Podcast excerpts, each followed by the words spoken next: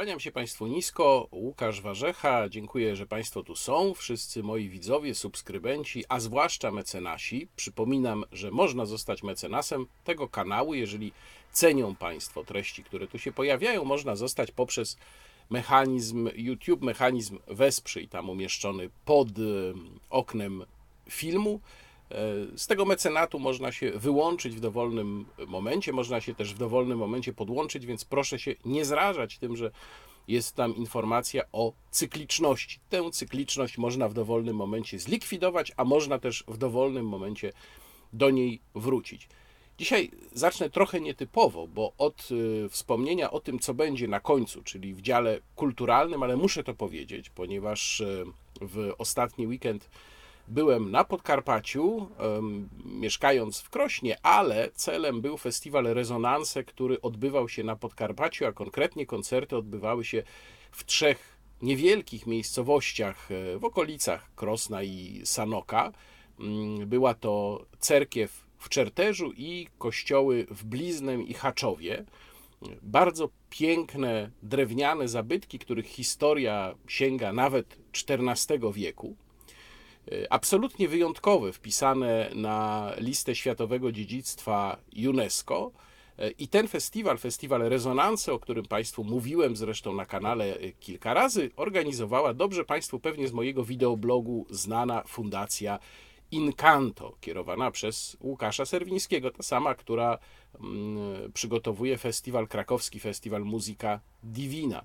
Będę szerzej o festiwalu Rezonanse mówił właśnie w części kulturalnej, ale zacząłem od tego, dlatego że spotkało mnie tam coś bardzo miłego, co szczególnie motywuje mnie do pracy, a szczególnie motywuje do pracy nad tą częścią kulturalną. Mianowicie mm, przy okazji pierwszego koncertu, koncertu w cerkwi w Czerterzu, który rozpoczynał ten cykl pięciu koncertów odbywających się w ciągu weekendu, podeszło do mnie kilka osób i powiedziało, że dowiedziało się o tym festiwalu właśnie z tego wideoblogu. No to jest naprawdę ogromna motywacja i muszę powiedzieć, że poczułem się, że tak powiem, bardzo dopieszczony. Poczułem się bardzo dumny. Bardzo się cieszę, jeżeli Państwo mm, z mojego wideoblogu mają motywację do przemyślenia różnych spraw, spojrzenia na nie inaczej, a jeżeli mają Państwo z mojego wideoblogu motywację, żeby dokądś pojechać, żeby coś zwiedzić, coś zobaczyć, albo na przykład, tak jak w tym przypadku, dotrzeć na mm, festiwal, o którym się Państwo ode mnie dowiedzieli, to jestem bardzo szczęśliwy. Wszystkich Państwa, których tam spotkałem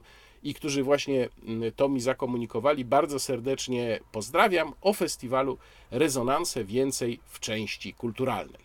Nie będę natomiast zaczynał tego wideoblogu, tego wydania od e, wyroku Trybunału Konstytucyjnego, ale zacznę od tego, co najbardziej nas uderza po kieszeni bezpośrednio, a to są ceny benzyny i ogólnie rzecz biorąc inflacja. To jest w tej chwili jedno z najważniejszych zagadnień. Inflacja jest zjawiskiem może nie tyle skomplikowanym w swojej istocie, czyli ogólny wzrost cen, a także utrata wartości pieniądza z tym wzrostem cen powiązana, ale jest mechanizmem, w którym e, bardzo łatwo wpaść w błędne koło, wpaść w spirale. Kolejne czynniki inflacyjne nakładają się na siebie. Ja o tym e, pisałem już trochę w tekście na blogu Warsaw Enterprise Institute. Link, jak zwykle, umieszczam w opisie filmu, podobnie jak zresztą linki do wszystkich innych tekstów, o których wspominam. Będę również o tym zjawisku szerzej pisał w kolejnym wydaniu tygodnika do rzeczy, a także polecam Państwu e, dzisiejszy, bo nagrywam ten wideoblog we środę, dzisiejszy, dzisiejsze wydanie Polski na serio na kanale Świat Rolnika, e, w którym to programie moim gościem będzie pan Sławomir Dudek, główny ekonomista Forum Obywatelskiego Rozwoju, z którym właśnie będę rozmawiał o tych mechanizmach inflacyjnych i o tym, w jakim stanie jest polska gospodarka. Jeżeli natomiast chodzi o samą cenę benzyny, no to państwo, wszyscy państwo, którzy tankują, widzą, co się z nią dzieje. E, w tej chwili tu niedaleko mojego domu jest taka stacja przy jednym z hipermarketów. Te stacje przy hipermarketach mają zawsze najniższe ceny. E, ja tam wczoraj tankowałem, jeżeli dobrze pamiętam, po 5,72. I to jest wyjątkowo okazyjna cena. E, na Podkarpaciu w zasadzie na wszystkich stacjach było 5,89. Mm, nawet już widziałem 5,93 bodajże. E, a niedaleko mnie, również przy ulicy Puławskiej w Warszawie, mm, w kierunku na Piaseczno, jest stacja Orlenu, która zawsze jest najdroższa w okolicy, e, no bo wiadomo, Orlen przychyla polskim obywatelom nieba. No i tutaj warto przypomnieć, e, to oczywiście już chodzi w internecie i bardzo dobrze, że chodzi, ale warto mimo wszystko przypomnieć, jak to w 2011 roku Jarosław Kaczyński grzmiał w radiowej reklamie mm, Komitetu Wyborczego Prawa i Sprawiedliwości. Przypomnijmy to sobie. Oni chyba powariowali. Ty wiesz, że benzyna jest już po No 5,40? to nie wiem, jak my to ogarniemy. A pamiętasz, jak 4 lata temu wyjeżdżaliśmy i litr był po 4 złote? I Tusk wtedy straszył, że za Kaczyńskiego będzie po 5 zł. Ciekawe, co teraz wymyśli. A ma być jeszcze drożej. No co ty? Ile? 7-8 zł? Kto to wytrzyma? Szkoda gadać. Ponad połowa ceny benzyny to podatki. Rząd może je zmniejszyć. Ja obniżyłbym akcyzę, przez co spadłyby ceny benzyny. Ale do tego trzeba odwagi i odpowiedzialności. Sytuacja od tego czasu zmieniła się o tyle, że PiS dorzucił kolejny podatek do ceny benzyny. To jest opłata emisyjna, która obowiązuje od początku 2018 roku, o której e, Daniel Obajtek mówił, że Orlen weźmie to na siebie. Jeżeli Państwo pamiętają i sięgną Państwo gdzieś głęboko do mm, mojego Facebooka, tego oficjalnego, to znajdą tam Państwo moją korespondencję z Orlenem, gdzie ja próbowałem e, dowiedzieć się, zadając bardzo konkretne pytania w jaki sposób ta opłata emisyjna 10 groszy na litrze benzyny 95 będzie brana na siebie przez Orlen. No, odpowiedzi nie uzyskałem, to jakąś taką ko- korpomowę trawę dostałem tylko jako respons. A tymczasem pamiętajmy, że niezależnie od tego, że pewne stawki narzuca nam Unia Europejska, ale minimalne, to w cenie litra benzyny w Polsce w tej chwili połowa to są podatki. Więc bez problemu można by zrobić to, co chciał zrobić, do czego nawoływał w 2011 roku Jarosław Kaczyński, kiedy benzyna była tańsza niż jest teraz. To pomyślmy, w jakich warunkach ona była tańsza. No, po pierwsze, mieliśmy wtedy wyższą, i to wyraźnie wyższą niż dzisiaj, cenę baryłki ropy. Tu Państwo widzą taki wykres sięgający samego początku roku 2012, jak kształtowała się e, cena ropy, baryłka ropy Brent, i wtedy było to ponad 120 dolarów za baryłkę. W tej chwili jest e, 81 dolarów, to są ostatnie dane które widziałem, czyli to jest prawie 40, właściwie 40 dolarów mniej za baryłkę, e, a tymczasem benzyna w Polsce jest wyraźnie droższa i nawet nie mm, czynnik wartości złotówki w stosunku do dolara tutaj nie wyjaśnia mm, tej e, różnicy. Natomiast warto przypomnieć, że głównym producentem paliwa dla wszystkich stacji, niezależnie od tego, jaka to jest sieć w Polsce, jest właśnie Orlen. No więc jeżeli szukamy źródła tej drożyzny paliwowej, poza e, rzeczywiście zwyżkującą, ale nie tak bardzo jak te 10 lat temu, ceną mm, baryłki ropy czy kursem złotówki, no to szukajmy może właśnie w Orlenie, który przecież potrzebuje pieniędzy, naszych pieniędzy, żeby zasilać różnego rodzaju inicjatywy, że na przykład, żeby e, mieć własny koncern prasowy z prasą lokalną. Pozostaje więc y, zadać pytanie panu y, prezesowi Jarosławowi Kaczyńskiemu, dlaczego dzisiaj nie występuje z podobną inicjatywą, jak występował 10 lat temu. I trzeba przypomnieć, że cena paliwa jest jednym z najmocniejszych czynników inflacyjnych, dlatego że cena paliwa to jest transport. Transport wlicza się w zasadzie w każdy towar, w cenę każdego towaru i to na wielu etapach a także w cenę bardzo, bardzo wielu usług. Ale jeżeli chodzi o zdolności ekonomiczne Jarosława Kaczyńskiego i jego pojęcie w ogóle o gospodarce, to o tym jeszcze trochę później będzie w jednym z kolejnych tematów, kiedy będę się przyglądał wystąpieniu naczelnika w Przysusze, tam gdzie został przedstawiony Polski Ład dla rolnictwa. A tymczasem przechodzimy do kolejnej sprawy. A ta kolejna sprawa to już właśnie kwestia wyroku Trybunału Konstytucyjnego. Tutaj muszę się pokajać y, w imieniu swoim i Antoniego Dudka, ponieważ nagrywaliśmy nasz ostatni program mm, Podwójny Kontekst, do którego link umieszczam Państwu również w opisie filmu. Nagrywaliśmy go w czwartek właśnie, ale przed ogłoszeniem wyroku przez Trybunał Konstytucyjny i mówiliśmy tam o tym wniosku pana premiera i spekulowaliśmy, że ten wniosek będzie odkładany na nie wiadomo kiedy, że będzie cały czas odraczany e, przez e, panią prezes magister Julię Przyłębską. No, okazało się parę godzin później, że się stało inaczej. Każdy komentator może się pomylić. Nie spodziewaliśmy się rzeczywiście, żaden z nas nie spodziewał się, że pójdzie to w tę stronę. E, napisałem w piątek dla portalu Onet analizę tej sytuacji, e, którą, do której link również Państwu załączam, a tutaj streszczę Państwu główne jej tezy. Tych warstw, które e, tutaj są, jest kilka. Pierwsza warstwa jest taka, że Trybunał Konstytucyjny nie działa oczywiście samodzielnie. Pani prezes Przyłębska nie ogłosiłaby tego wyroku, gdyby nie miała zgody lub też nawet pewnego rodzaju impulsu mm, z ulicy Nowogrodzkiej. No więc trzeba sobie zadać pytanie, o co tutaj chodzi i po co to jest, skoro ewidentnie e, utrudnia to jeszcze, wzmacnia to nasz konflikt z Brukselą, a konkretnie z TSUE, również z Komisją Europejską, bo tu e, warto pamiętać, że Unia Europejska to nie jest jakaś całość. To w takim wiecowym dyskursie ona jest tak traktowana, ale tutaj działają różne E, siły i każda z nich może mieć trochę inne aspiracje.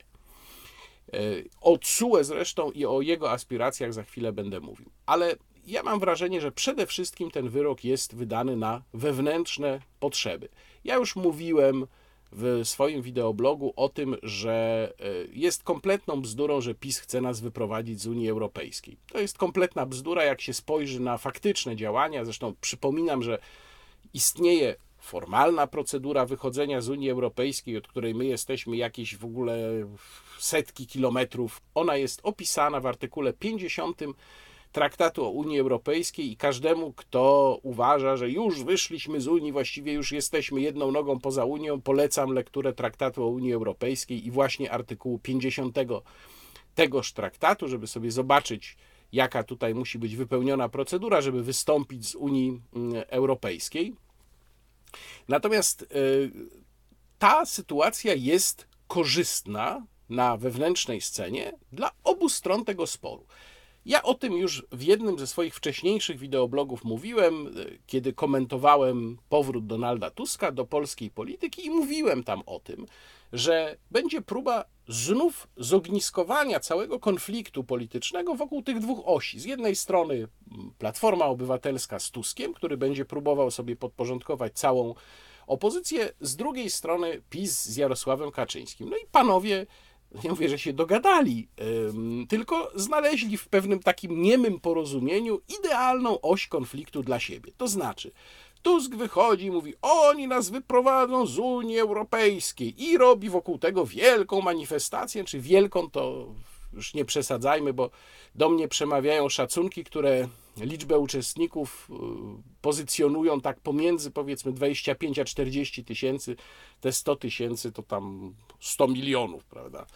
E, no w każdym razie mm, robi wielką manifestację. A Jarosław Kaczyński wychodził, nie, my absolutnie zostajemy w Unii, co jest prawdą zresztą, ale chcemy tu suwerenności, nie będą nam dyktować. I tak to się, proszę Państwa, kręci. Teatr dla gawiedzi się kręci.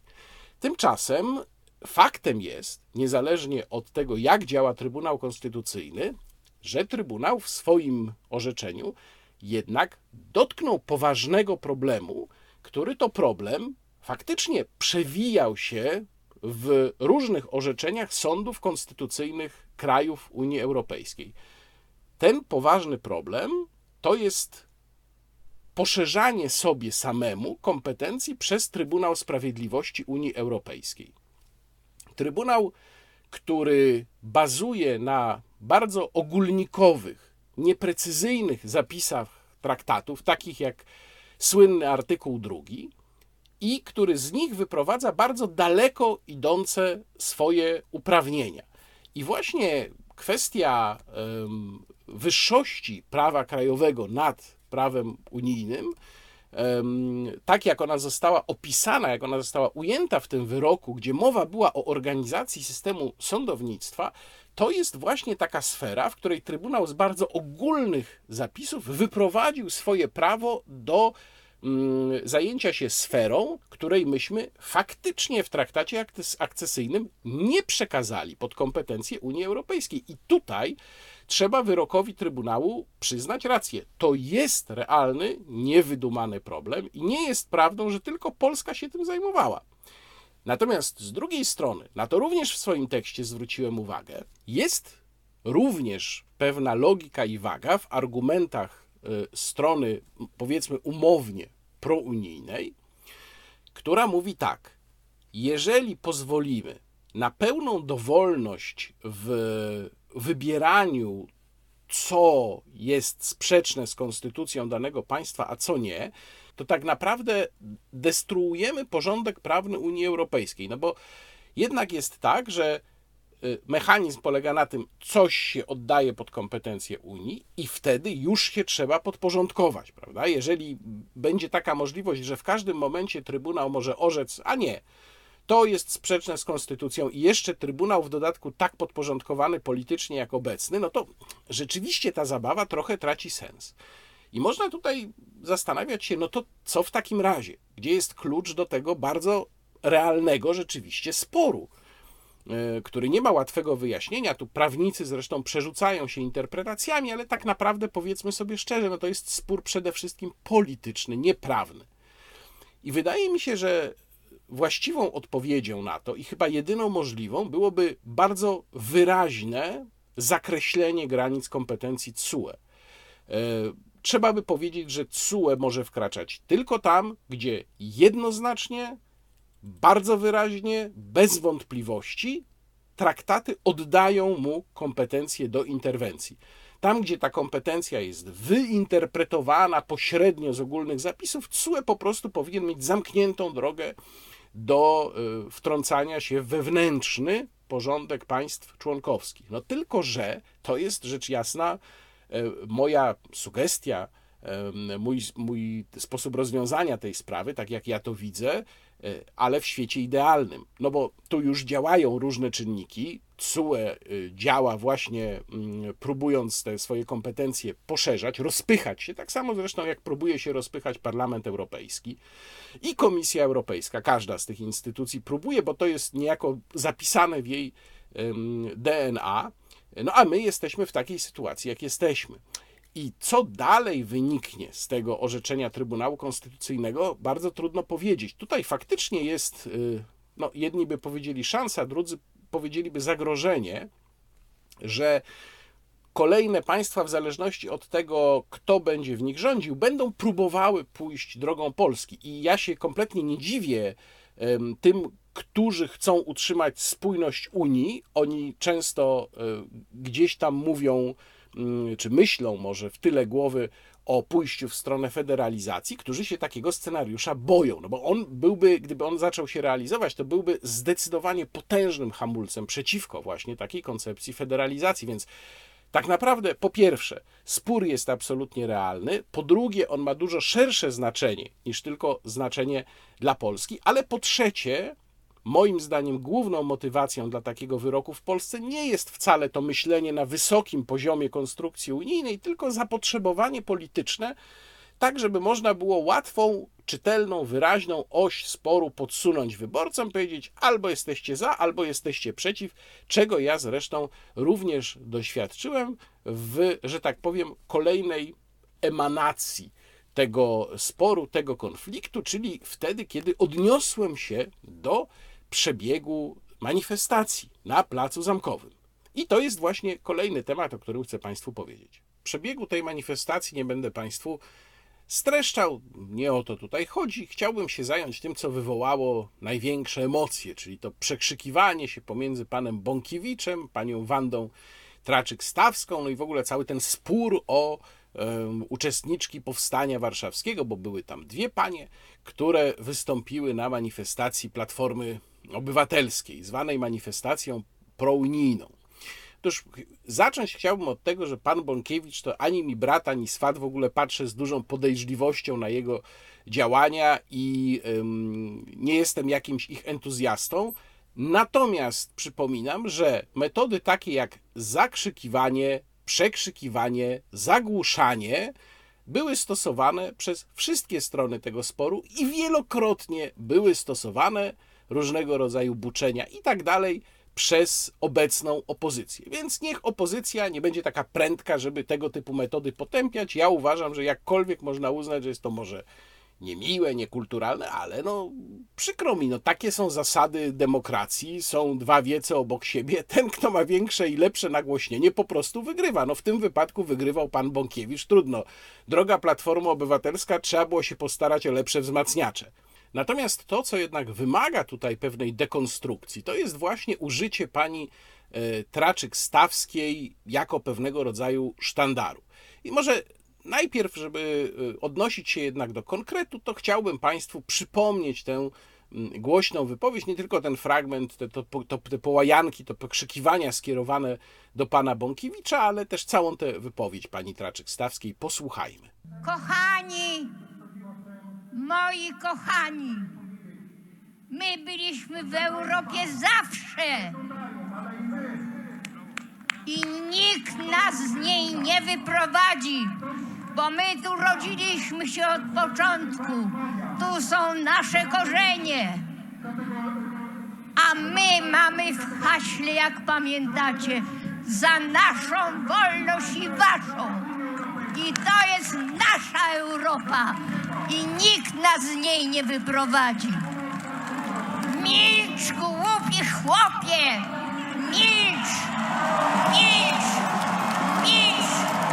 Tam jest skończony! Milcz! Bo ja jestem żołnierzem, który pamięta, jak krew się lała, jak moi koledzy ginęli. Ja tu po to jestem, żeby wołać w ich imieniu. Nigdy nikt nie wyprowadzi nas z tego, z mojej ojczyzny, która jest Polską, ale także nikt z Europy, bo Europa to moja matka także. Kocham was i mam prawo powiedzieć, nikt nigdy nas z naszej ojczyzny nie wyprowadzi, a nasza ojczyzna to Polska w Europie. Kiedy pisałem, że y, i ten tweet wywołał ogromne wzburzenie, zresztą zostałem natychmiast zakwalifikowany do pisowców, pisiorów i tak dalej, to chyba nie muszę Państwu mówić, jak mnie, jak mnie śmieszą takie sytuacje przez y, stronę sprzyjającą y, pani Wandzie Traczyk-Stawskiej.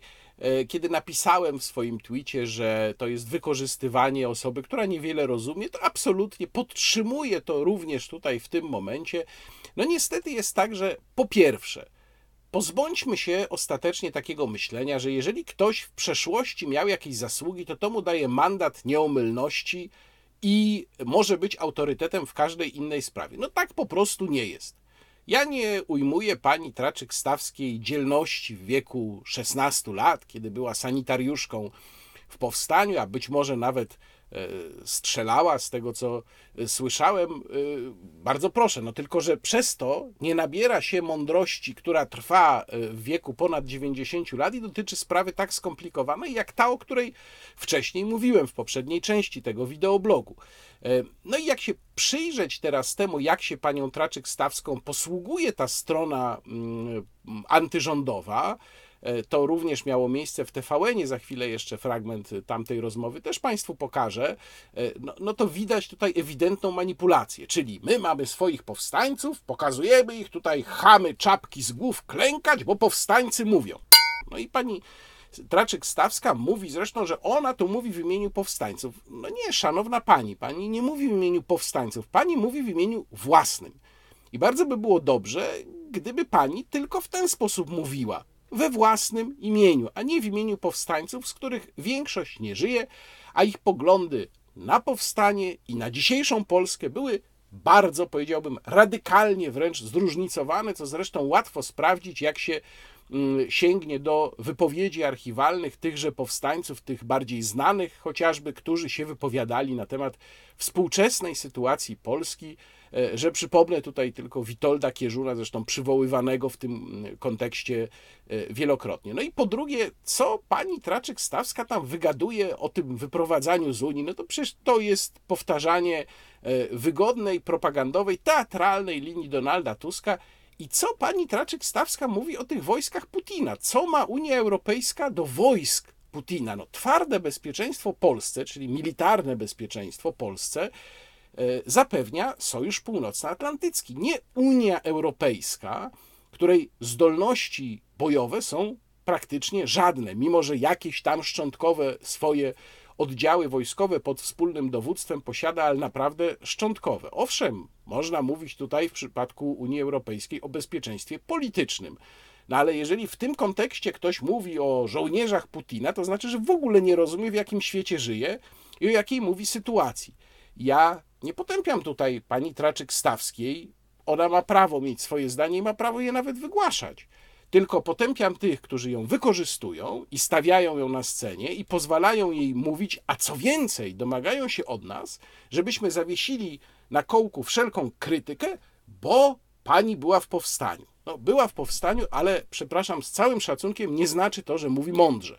No ale niektórzy e, pisali do mnie, proszę bardzo, proszę posłuchać, co pani Traczyk-Stawska mówiła w studiu TVN24 i niech pan przeprosi, nie wiem za co bo ja tu nic obraźliwego nie powiedziałem ani nie napisałem.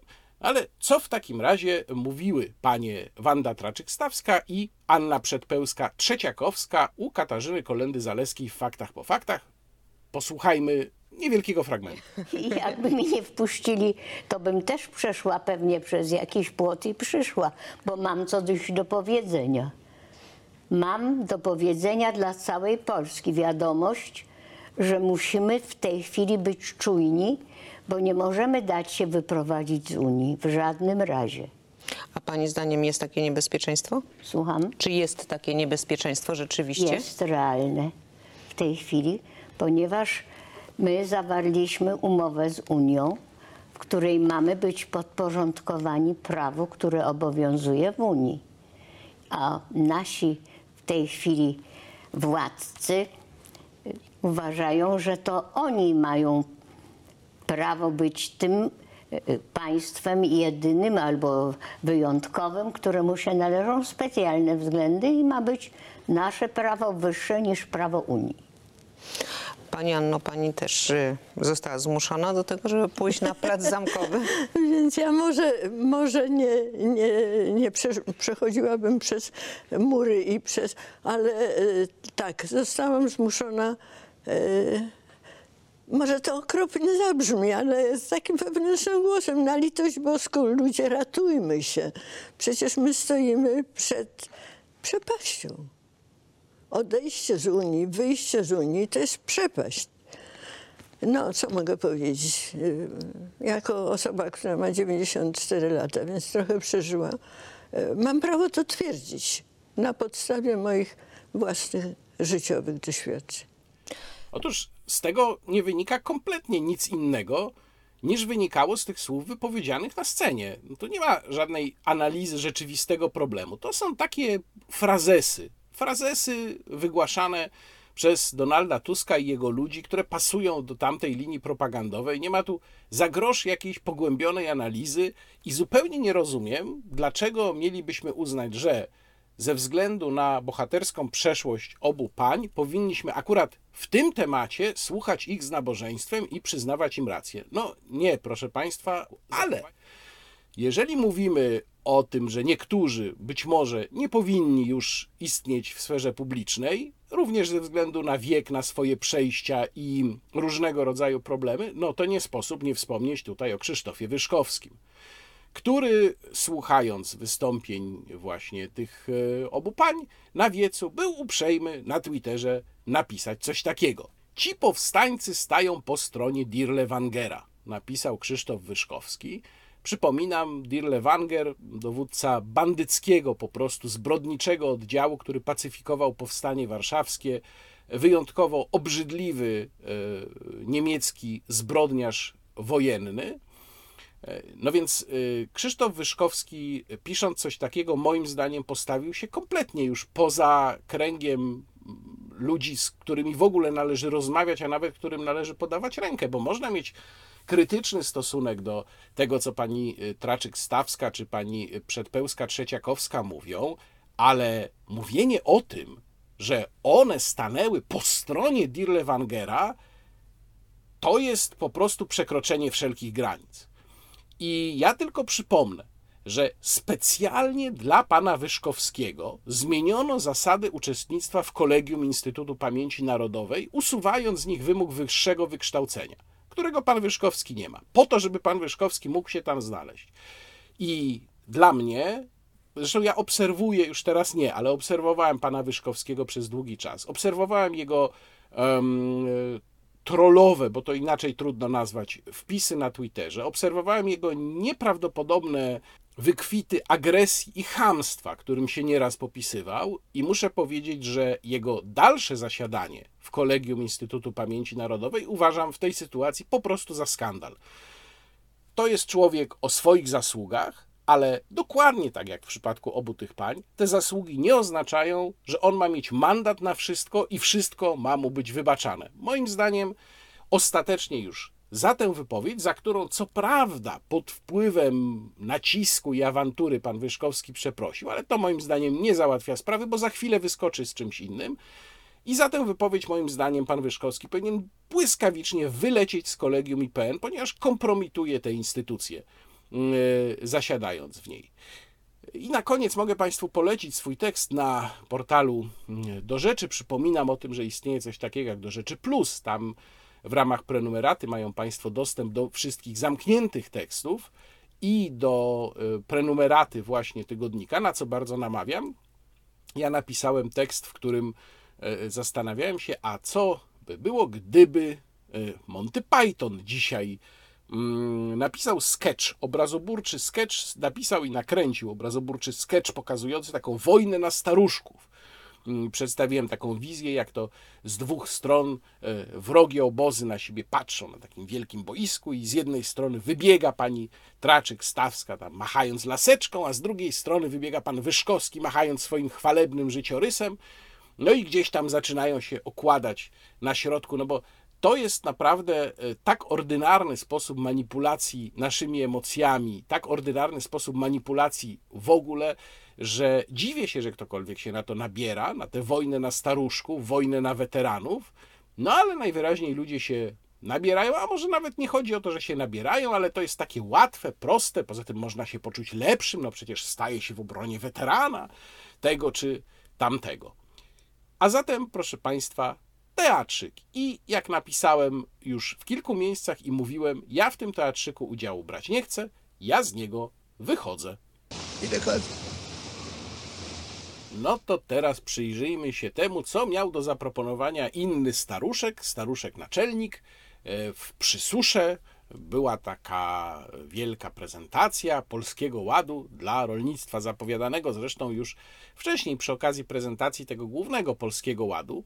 I właściwie najlepszą recenzją tego, co tam się wydarzyło, mogłoby być już to, że w pierwszym e, rzędzie krzeseł zasiadali panowie Grzegorz Puda, minister rolnictwa, który to Grzegorz Puda jest przyjacielem e, animalsów, fotografował się z członkami Wiwy i był głównym promotorem piątki dla zwierząt, czyli pomysłów dokładnie idących wbrew interesom e, e, dużej części rolników. Grzegorz Puda, moim zdaniem, odrażający karierowicz, który mówił o wspaniałym polskim ładzie dla wsi w, we wstępie do gościa wiadomości w taki oto sposób. To taki program, którego jeszcze w historii polskiego państwa nie było. Program, który zmienia wieś, począwszy od małych gospodarstw, tych najmniejszych, skończywszy do tych dużych, największych, które są eksporterami. Myślę, że każdy rolnik, każdy, kto prowadzi produkcję i roślinną, i zwierzęcą, znajdzie w nim coś dla siebie.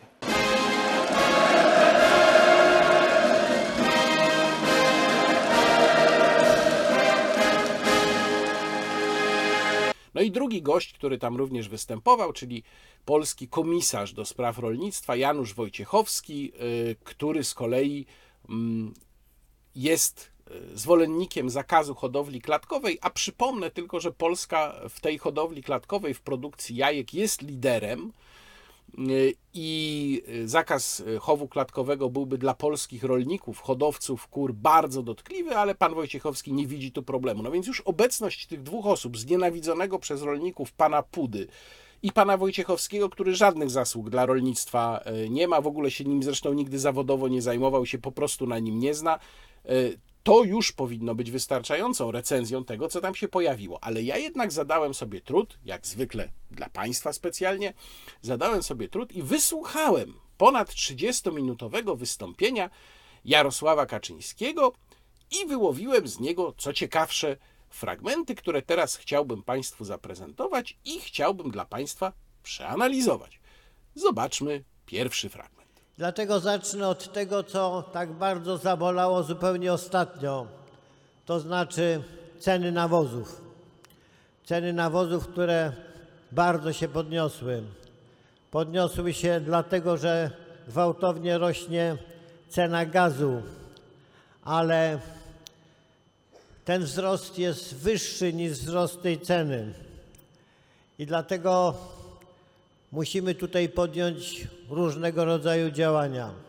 Co prawda ostatnio, dosłownie w ostatnich dniach, bo te ceny gazu fluktuują, ceny nawozów spadły. Tych najważniejszych saletrowych nawet bardzo mocno, bo z 3000 do 2000, nawet 1200, 1800 zł za tonę.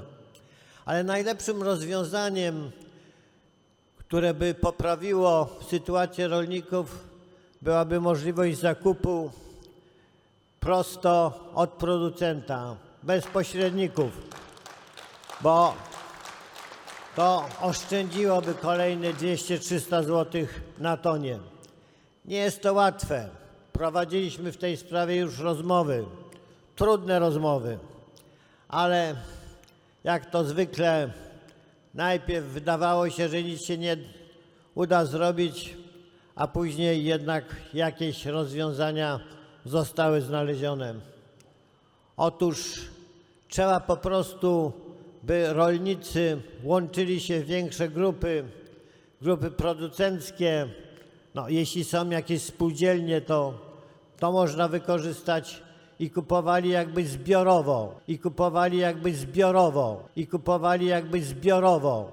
Wtedy te ceny mogą być obniżone. Tutaj naczelnik postanowił pokazać, że on rozumie tę bolączkę rolnictwa, ceny nawozów. Ceny nawozów są ściśle powiązane z ceną gazu, ponieważ gaz jest wykorzystywany w produkcji nawozów sztucznych w ogromnym stopniu, więc im wyższa jest cena gazu, a cena gazu teraz zwyżkuje potężnie, tym oczywiście droższe będą nawozy. Ta cena gazu zwyżkuje dlatego, że e, Rosja, grając ceną gazu, próbuje wymóc e, uruchomienie gazociągu Nord Stream 2. Ja zupełnie nie rozumiem, na czym pan prezes Kaczyński opiera swoje przekonanie, które w tym wystąpieniu, w tym fragmencie swojego wystąpienia wyraził, że ceny gazu się ustabilizują i ceny nawozów też. No, panie prezesie, czy pan mógłby zdradzić źródło tego swojego przeświadczenia?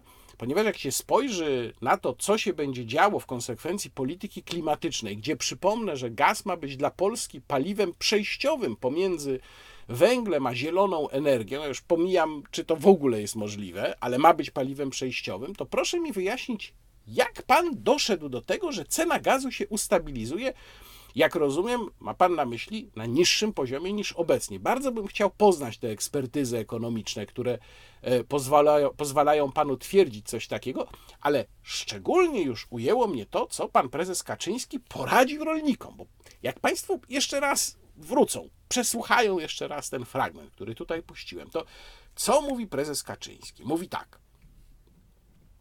Jest wielki problem z cenami nawozów. No i myśmy podjęli działania. Na początku wydawało się, że nic się nie da zrobić, ale ostatecznie się da. Rolnicy, jednoczcie się i kupujcie więcej razem. To przepraszam, to, to jest ta wspaniała rada dla rolników? No to chyba jest dosyć logiczne, że jak się kupuje hurtowo, kupuje się wspólnie, no to na ogół można jakieś obniżki od producenta uzyskać.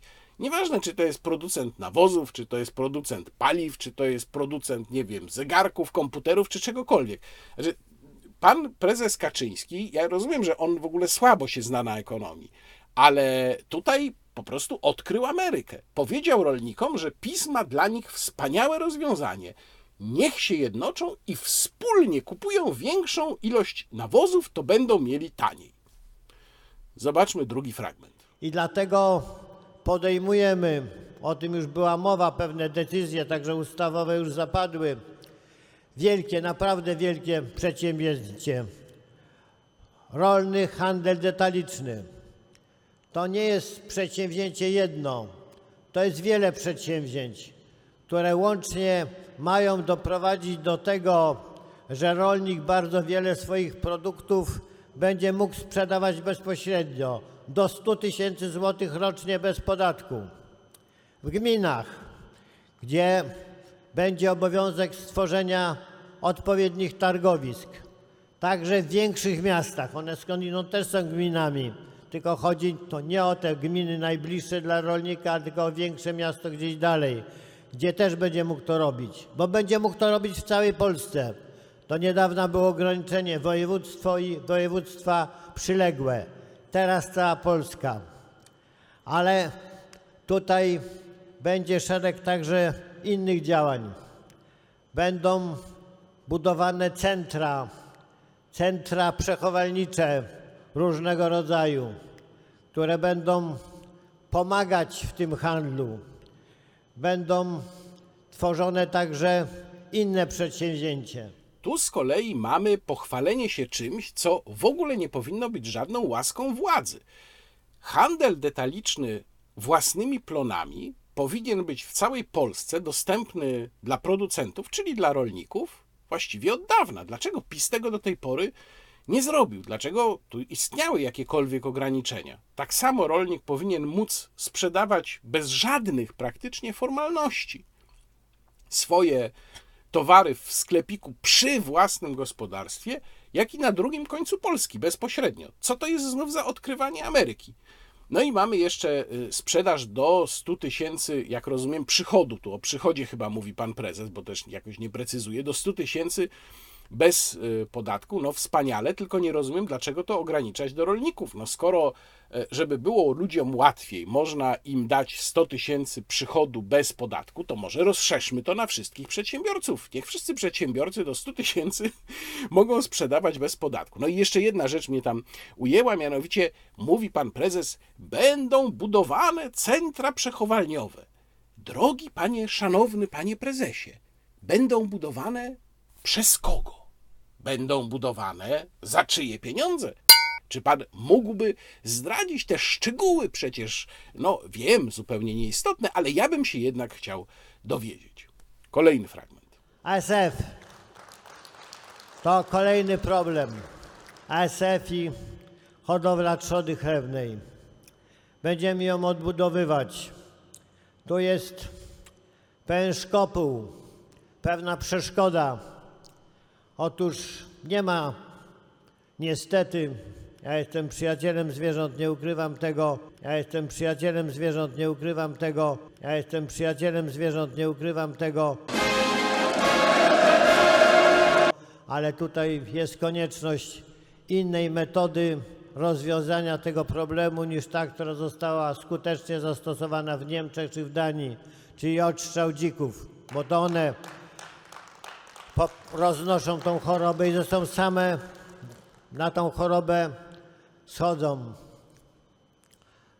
Kto to powinien uczynić? Powinni to zrobić myśliwi, koła myśliwskie. No ale jest jak na razie z tym nie najlepiej.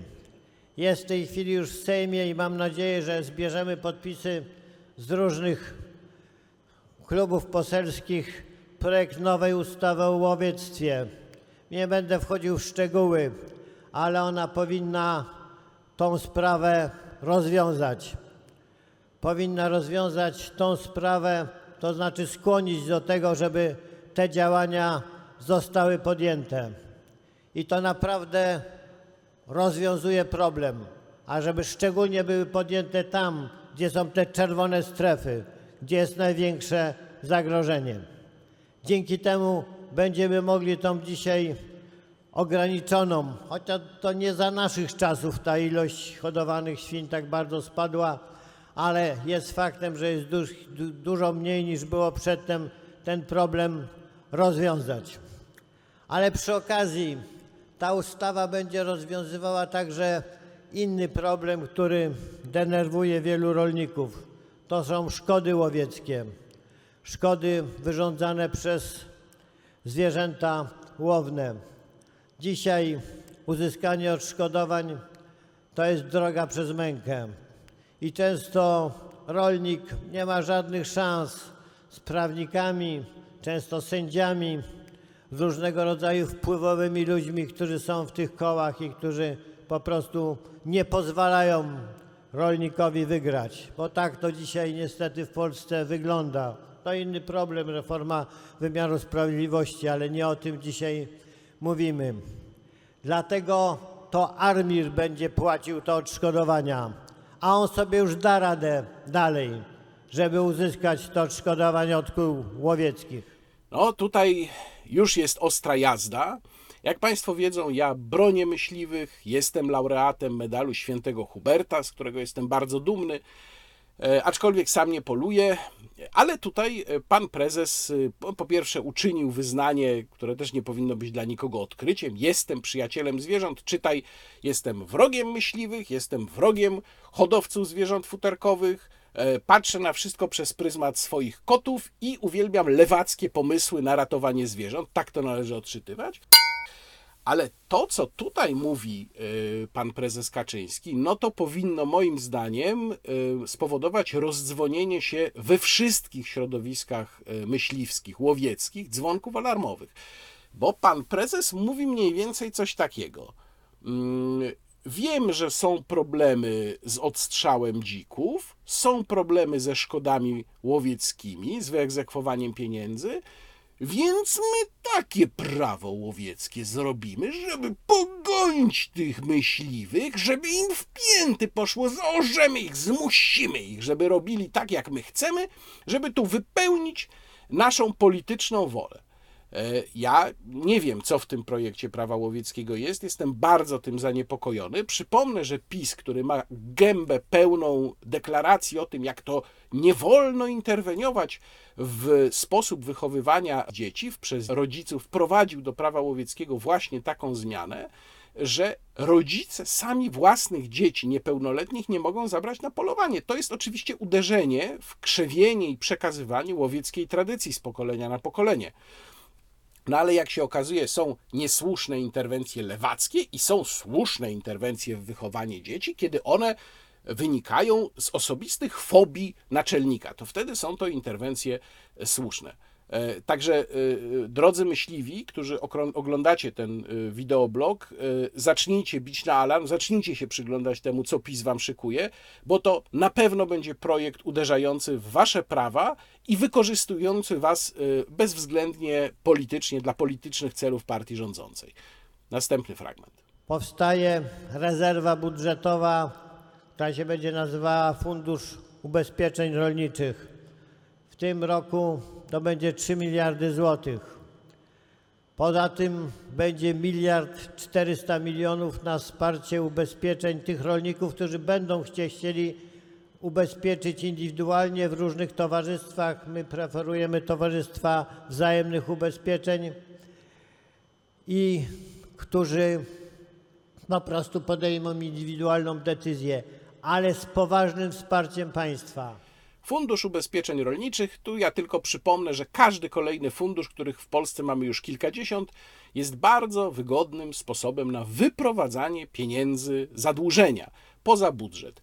E, ponieważ w polskiej metodologii pieniądze, które są wyprowadzone do funduszy, czy zadłużenie, które jest wyprowadzane do funduszy, nie liczy się do ogólnego zadłużenia, więc to pomaga ominąć konstytucyjny próg dopuszczalnego zadłużenia w stosunku do e, PKB i być może tak to głównie należy odczytywać, ale też e, warto to odczytać w ten sposób, łącznie z różnymi zapowiedziami mm, finansowymi, finansowych udogodnień dla rolników, które tam w dalszej części tego wystąpienia się mm, pojawiały, a których ja już tu Państwu nie pokażę, ale ja próbowałem sobie to nawet jakoś wstępnie przekalkulować.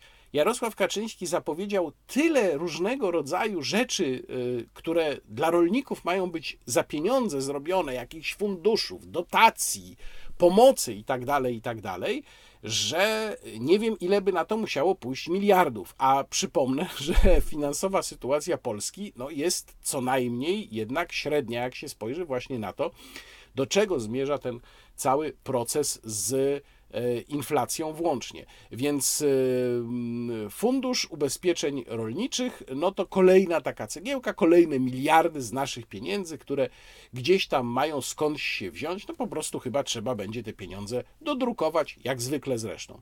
No i ostatni fragment. Sprawa dopłat, a dokładnie wyrównania dopłat w stosunku do przeciętnej europejskiej. Ja chciałem Państwu powiedzieć, i sądzę, że to dobra wiadomość dla ogromnej większości polskich gospodarstw rolnych, tych do 30 hektarów, że w ciągu tych najbliższych lat, w ciągu tej perspektywy budżetowej, jak to się w Unii nazywa, te dopłaty będą wyrównane, a dla gospodarstw do 20 hektarów będą nawet nieco wyższe niż przeciętna. Co więcej, ci, którzy będą korzystać także z innych możliwości, na przykład tych związanych z dobrostanem zwierząt, będą mogli uzyskiwać dopłaty nawet przeszło 300 euro na hektar, czyli naprawdę wyższe, znacznie wyższe.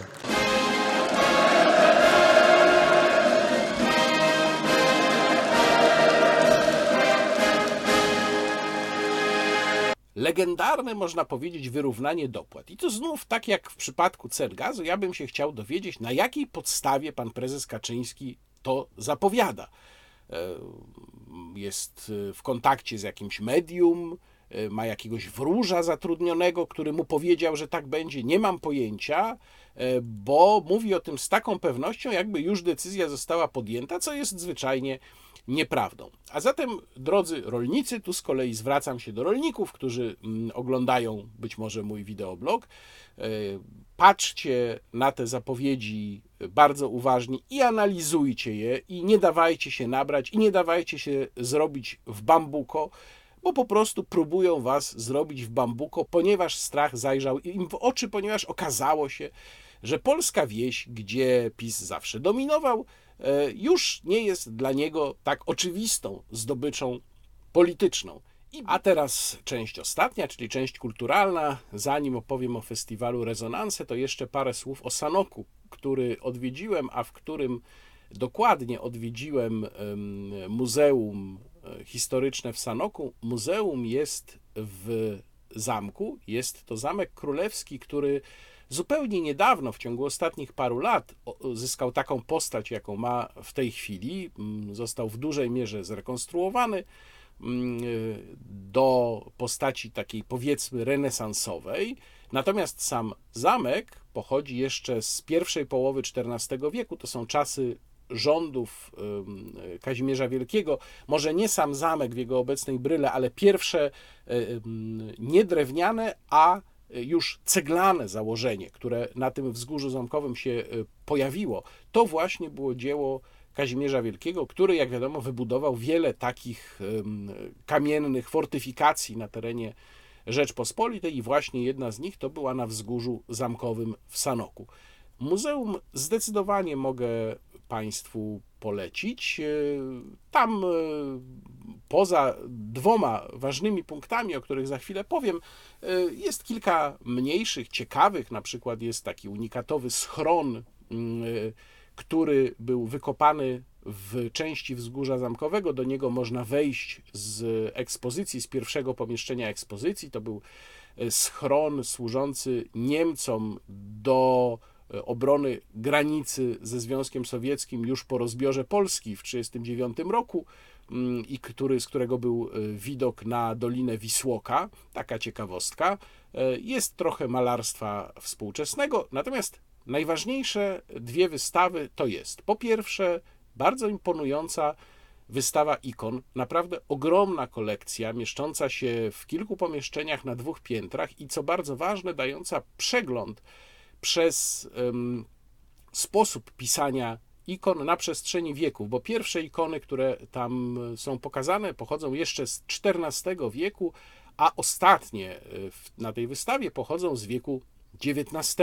Więc mogą Państwo zobaczyć, jak to malarstwo ikoniczne, sztuka pisania ikon rozwijała się y, w ciągu tych stuleci, a jednocześnie to się mnie akurat rzuciło w oczy, zachowywała daleko idącą spójność. To znaczy, mimo że mm, widać tam pewną zmianę metody, to jednocześnie widać, że y, te ikony XIV-wieczne co do zasady są tożsame z ikonami XIX-wiecznymi. W szczególności polecam Państwu w jednej z sal przyjrzenie się bardzo dużej tablicy, którą chyba trudno już nazwać ikoną, e, przedstawiającej sąd ostateczny w taki dosyć uroczo naiwny sposób. To jest bardzo ciekawe mm, dzieło, gdzie można sobie popatrzeć, jak w e, tej ikonografii mm, e, prawosławnej czy grecko-katolickiej wyglądało właśnie przedstawienie, wyobrażenie sądu ostatecznego. A zatem to jest pierwszy ciekawy punkt. I drugi ciekawy punkt, y, no już absolutnie unikatowy, to jest y, największa wystawa, największa w Polsce, największa na świecie, wystawa dzieł Zdzisława Beksińskiego, na której mm, można zobaczyć, która zawiera 600, około 600 jego prac, ale tu muszę zacząć od pewnej anegdoty. Otóż, mm, kiedy wszedłem do jednej z sal, to zobaczyłem pana z kamerą, ten pan z kamerą nagrywał rozmowę z, jak się zorientowałem, dyrektorem muzeum, skończył tę rozmowę nagrywać, zobaczył mnie i powiedział, czy ja mogę pana zapytać, poprosić o kilka słów na temat prac Beksińskiego, bo jeden z jego obrazów, wyceniany na 70 tysięcy złotych, został właśnie sprzedany za 2 miliony. Co pan o tym sądzi? Jakie wrażenie to na panu robi? Ja tam się przyjrzałem, skąd pan jest, czyli spojrzałem na napis na mikrofonie, TVP Rzeszów. I mówię temu panu, wie pan, ja panu mogę powiedzieć, co pan chce. Natomiast y, tego panu nie puszczą, bo na mnie jest zapis w telewizji publicznej. Pan powiedział, e, ale to nie jest o polityce, to jest sonda na temat obrazów, jeżeli by pan mógł. No więc powiedziałem, co miałem powiedzieć. I pytam, do jakiego to programu? Do wiadomości, mówi ten pan. No tutaj dostałem ataku śmiechu. E, pan się trochę zdziwił, zapytał dlaczego. Ja powiedziałem, że Jacek Kurski ma mnie na czarnej liście od 2017 roku. I ja nie wiem, to było w sobotę, ja nie wiem, e, czy ostatecznie ten materiał z Rzeszowa, bo to jak rozumiem było kilka setek nagranych z różnymi ludźmi się ukazał, w którymś z y, wydań wiadomości. Jeżeli Państwo na ten materiał trafili przypadkiem, to proszę napisać mi w komentarzu, czy ktoś przepuścił tam tę krótką rozmowę ze mną, te parę słów, które powiedziałem, czy też mnie tam nie było. No w każdym razie ja myślę, że jeżeli ktoś się zorientował, że właśnie ja się tam znalazłem przypadkiem, to raczej w tym materiale y, już mnie nie wykorzystano. Y, natomiast y, wystawa Beksińskiego jest y, rzeczywiście ogromna, ale też jest bardzo ciekawie zrobiona. Na, prawie na samym początku można znaleźć rekonstrukcję pracowni Zdzisława Beksińskiego ze Służewa mm, nad Potokiem, tam gdzie w Warszawie w jednym z bloków Zdzisław Beksiński mieszkał i pracował. I to jest rekonstrukcja stworzona z autentycznych przedmiotów pochodzących z mieszkania Zdzisława Beksińskiego. Więc są tam lampy, które, przy których malował, są, jest zbiór jego płyt, ogromny rzeczywiście, kaset, bo jeszcze kaset również słuchał, jest jego biurko, mm, no ale przede wszystkim są jego obrazy. O tych obrazach każdy pewnie ma swoje zdanie, kto je zna. One są niesamowite, ale są też niesamowicie ponure, przynajmniej niektóre z nich. E, chociaż sam Beksiński e, zdaje się nigdy nie mówił, że próbuje widza przestraszyć, czy że próbuje widza zdołować. Wręcz przeciwnie, on twierdził, i tam jest zresztą taki cytat z niego w jednym miejscu na ścianie, że on chce malować po prostu ładne rzeczy. No, nie wiem, czy one są ładne, ale na pewno robią ogromne wrażenie i też mogą Państwo, podobnie jak to jest w przypadku wystawy ikon, przejść chronologicznie od pierwszych prac Beksińskiego, łącznie z fotografiami, aż do tych ostatnich obrazów. Jest tam również obraz, który Zdzisław Beksiński skończył malować na dzień przed swoją tragiczną śmiercią. Przypomnę, że został w 2005 roku zamordowany e, brutalnie zresztą przez swojego sąsiada, młodego człowieka, został zamordowany tam w tym mieszkaniu właśnie e, w Warszawie. No i wreszcie ostatni punkt, e, czyli festiwal Rezonanse Fundacji Incanto. Muszę tutaj przede wszystkim bardzo serdecznie pogratulować fundacji, jej założycielowi i szefowi Łukaszowi Serwińskiemu, jego żonie Marcie, która jest dyrektorem w tejże fundacji, wszystkim jej pracownikom e, i wszystkim wolontariuszom fundacji Incanto, ponieważ e, po raz kolejny okazało się, że fundacja wykonała wspaniałą robotę. Jeżeli chcieliby Państwo fundację w jakiś sposób wesprzeć, a można to zrobić, jak Państwo wejdą na stronę fundacji, ja załączam link w opisie filmu, to tam mogą Państwo dołączyć do programu zachwyconych, e, mogą Państwo zadeklarować e, cykliczną wpłatę na rzecz fundacji. Namawiam do tego, bo to jest tak, że jeżeli to Państwo zrobią, to w tym wypadku, i to y, ja potwierdzam, mogę za to ręczyć, bo przyglądam się ich działalności już od dłuższego czasu, ani grosz z tych pieniędzy nie zostanie zmarnowany. Te dwa przedsięwzięcia festiwalowe, a pamiętajcie Państwo, że fundacja robi też inne rzeczy, czyli wydaje książki, w, gdzieś tam w niedługim czasie powinna się ukazać kolejna książka Sir Rogera Scrutona świętej pamięci, wydaje też płyty, ale przede wszystkim organizuje te dwa festiwale. No, festiwal Muzyka Divina już jest cyklicznym wydarzeniem, festiwal Rezonanse oby się stał cyklicznym wydarzeniem, tam dużo takich głosów na festiwalu się pojawiało, bo pomysł na ten festiwal inny niż Muzyka Divina, który się odbywa w wielkim mieście, w kościołach tego wielkiego historycznego miasta. Pomysł tutaj jest odmienny i trzeba powiedzieć, że rzeczywiście jest on znakomity. Wyrwanie się z wielkiego miasta, pojechanie na Podkarpacie w ten e, multikulturowy e, region, i koncerty w zabytkowych, drewnianych kościołach, w tych wyjątkowych świątyniach w Czerterzu, Bliznem i Haczowie. To robiło wrażenie nieprawdopodobne. Pierwszy koncert w e, cerkwi w Czerterzu, e, koncert, w ramach którego został wykonany akatyst ku czci Matki Bożej, był absolutnie wyjątkowy. Wychwalajmy razem z nią Ojca i Syna w Duchu Świętym. Chwalmy i wywyższajmy Go teraz i na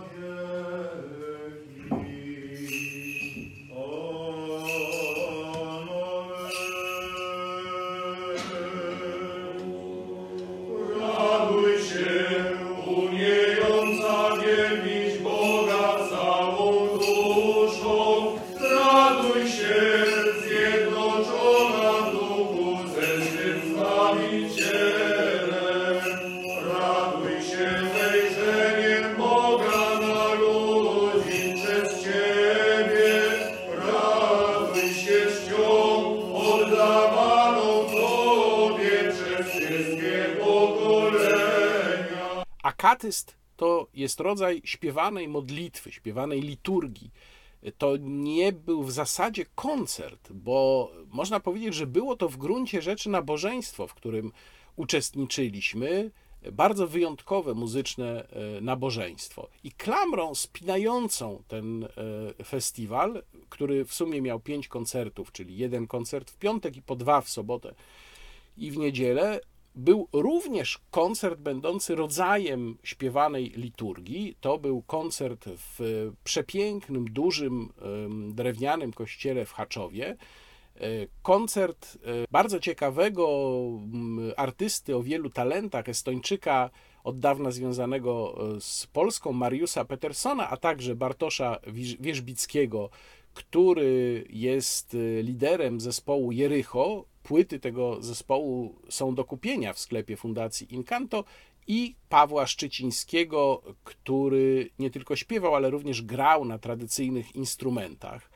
to były pieśni y, liturgiczne, a także pieśni religijne, estońskie i polskie, powiązane w rodzaj takiej właśnie śpiewanej liturgii. Mm, Muszę powiedzieć, że wrażenie robiło to wręcz ezoteryczne. To było tak, jakbyśmy byli w jakimś fragmencie wyrwanym z rzeczywistości, z codzienności. No ja byłem bardzo poruszony, zresztą potem były takie głosy, że to był najbardziej poruszający koncert mm, festiwalu. E, Mariusz Peterson, co ciekawe, przy tym koncercie, przy śpiewie posługiwał się śpiewniczkiem swojej babki. Taka mała czarna książeczka z krzyżem na okładce, który cały czas miał przed sobą, to też robiło duże wrażenie. Krótko mówiąc, byłoby wspaniale, gdyby ten festiwal zagościł na Podkarpaciu na stałe, gdyby tam można było co roku pojechać właśnie w tej październikowej, pięknej jesiennej porze, kiedy też trzeba powiedzieć, jest już dosyć zimno, to się w pewnych momentach dawało trochę we znaki, bo jak Państwo być może wiedzą, instrumenty, niektóre instrumenty mają problem ze strojeniem, jeżeli temperatura spada poniżej pewnego progu. No tam takie problemy się zdarzały, ale no to po prostu taki urok tego miejsca. Drewniane kościoły nie mogą być ogrzewane one ogrzewane nie są. To by po prostu zaszkodziło ich konstrukcji. To nie są zresztą świątynie wykorzystywane na co dzień, jakkolwiek mają, pełnią swoją funkcję liturgiczną cały czas. I, I e, urok tego miejsca, urok tych zimnych już wieczorów październikowych w tych e, drewnianych świątyniach był, przekraczał właściwie wszystko, co można sobie wyobrazić, a zatem mnie pozostaje tylko po raz kolejny podziękować z całego serca Fundacji e, Incanto, wszystkim jej pracownikom, wszystkim wolontariuszom, którzy także wykonywali tam naprawdę świetną robotę i poświęcali swój czas i przede wszystkim pogratulować pomysłu Łukaszowi Serwińskiemu. Pomysł na festiwal absolutnie znakomity. Bardzo bym chciał, żeby ten festiwal w przyszłym roku również się pojawił, a Państwa namawiam do obserwowania Fundacji Incanto na jej mediach społecznościowych, a także do wsparcia jej, jeżeli Państwo e, mogą. I tyle na dzisiaj. Pozdrawiam Państwa serdecznie, kłaniam się, do zobaczenia następnym razem. Łukasz Warzecha.